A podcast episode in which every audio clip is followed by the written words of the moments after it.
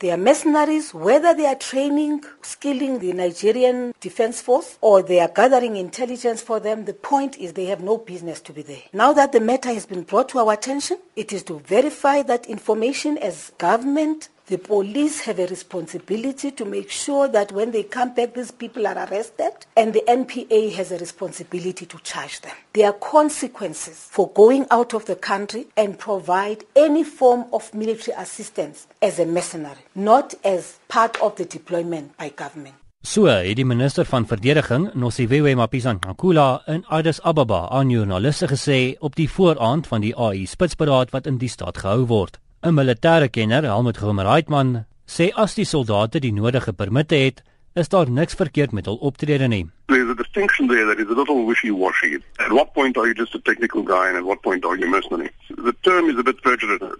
It's, it's difficult to, I wouldn't use it for these guys. They're going to train them, they're going to advise, they might wind up in the field as well as advisors, good instructors should. They're not going to fight for them. So mercenary is not quite true.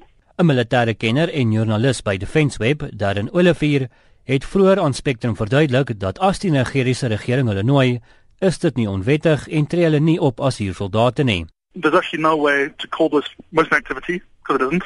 There's also no way to outright say it's illegal, and it's very unlikely that it will be tested in court. Effectively, a, a PSC, a, a public company. I mean, in essence, it's not that different in its concept to the, you know, the government hiring private security firms to go out the police stations or the you know um, hiring private con consultants to help with you know certain aspects of training which which we know does happen.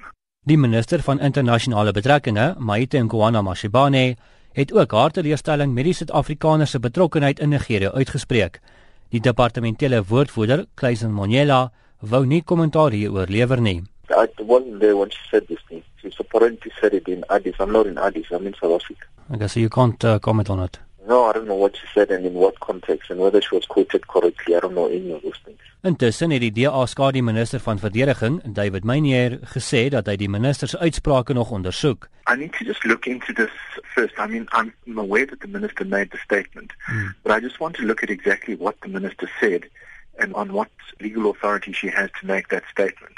I just want to be fully informed about the facts. Spectrum het navraag by die departement van verdediging gedoen.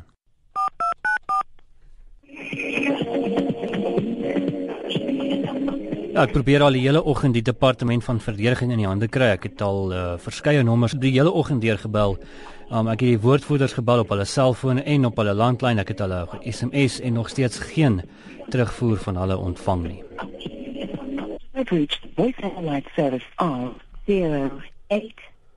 Ek is Justin Kennerly in Johannesburg.